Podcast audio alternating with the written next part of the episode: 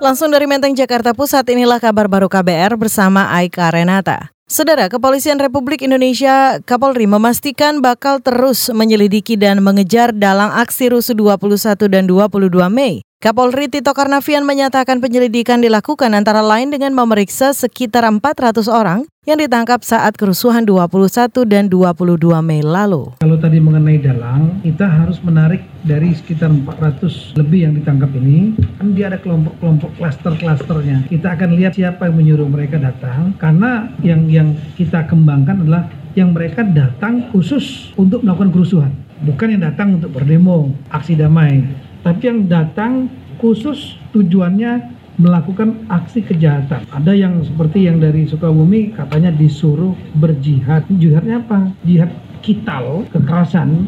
Itu tadi Kapolri Tito Karnavian. Kerusuhan terjadi sesaat setelah aksi damai digelar pada 21 Mei lalu di sekitar gedung Bawaslu Jakarta. Masa rusuh setelah menolak dibubarkan polisi karena aksi melewati waktu yang ditentukan oleh undang-undang. Dalam penyisiran, polisi menemukan bukti-bukti seperti senjata api, uang, dan alat bantu lain yang digunakan masa. Kerusuhan itu memakan delapan orang meninggal dan ratusan orang terluka.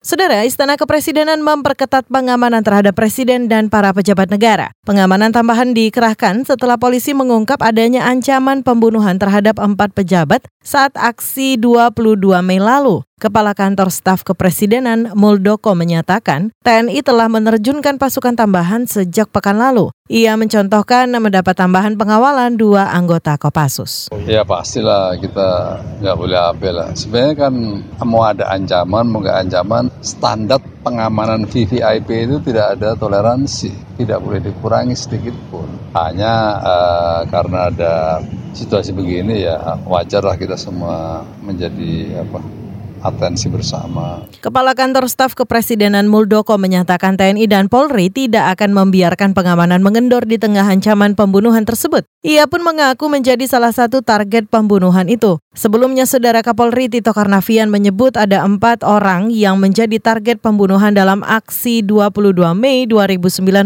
Mereka adalah Menko Polhukam Wiranto, Menko Maritim Luhut Panjaitan, Staf Khusus Presiden Goris Mere, dan Kepala BIN Budi Gunawan. Kita beralih saudara, LSM Komisi untuk Orang Hilang dan Korban Tindak Kekerasan Kontras ikut mengusut dugaan kekerasan yang terjadi pada aksi 21 dan 22 Mei lalu di Jakarta. Koordinator Kontras Yati Andriani menyatakan saat ini Kontras membuka saluran aduan bagi masyarakat yang ingin melaporkan adanya tindak kekerasan pada saat aksi. Pengaduan itu nantinya akan dikumpulkan dan dianalisa. Kontras berharap laporan itu bisa membantu tim internal kepolisian mengusut kasus ini. Gitu.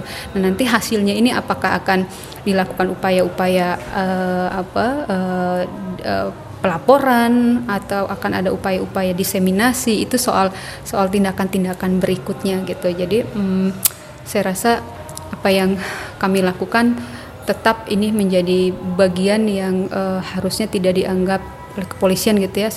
Koordinator LSM Kontras Yati Andriani menyatakan saat ini pihaknya fokus pada penanganan dan pendampingan korban. Ia meminta masyarakat yang menjadi korban melapor ke Kontras dengan disertai bukti. Saudara, aksi kericuhan di Jakarta pada 21 dan hingga 22 Mei lalu telah merenggut 8 korban jiwa dan ratusan orang terluka. Kita ke satu informasi lainnya, Saudara Kepolisian daerah Jawa Tengah mewaspadai kemungkinan macet di tiga kabupaten yang menjadi pintu keluar atau exit tol Trans Jawa. Tiga wilayah itu meliputi Brebes, Tegal, dan Pemalang. Pasalnya, rekayasa one way atau satu arah dari arah Jakarta berakhir di pintu keluar tol Brebes atau Brexit. Wakil Kapolda Jawa Tengah Ahmad Lutfi menyatakan ada kemungkinan kendaraan keluar tol dari arah Jakarta akan membludak, terutama di pintu keluar tol Barat Brebes, pintu keluar tol Brebes Timur, Tegal hingga pintu tol Gandulan Pemalang. Barat, karena di sana nanti ada putaran arus arah dari Jakarta khususnya kilometer 90 Jakarta kemudian mutarnya di Brebes Barat. Dan tadi sudah kita lakukan pengecekan dan jadi misalnya penanganan rekayasa arus lalu lintas khususnya di Kota Tegal. Di sana sudah ada penanganan rekayasa terkait dengan arah Semarang tidak akan bersinggungan dengan arah yang dari Jakarta Wakil Kepala Polda Jawa Tengah Ahmad Lutfi menyatakan kepolisian menyiapkan tim di luar ruas tol untuk memandu agar kendaraan bisa melakukan kontraflow di wilayah-wilayah padat. Kendaraan dari arah timur dan barat akan dilewatkan di jalur berbeda oleh tim pemandu kepolisian terutama di tengah kota Tegal dan Pemalang. Saudara hingga Selasa hari ini atau Hamin 8 Lebaran belum ada peningkatan arus mudik yang cukup signifikan di tol Trans Jawa dan jalur Pantura. Kenaikan masih di kisaran di bawah 5 persen. Demikian kabar baru dari kantor Berita Radio KBR, saya Aika Renata.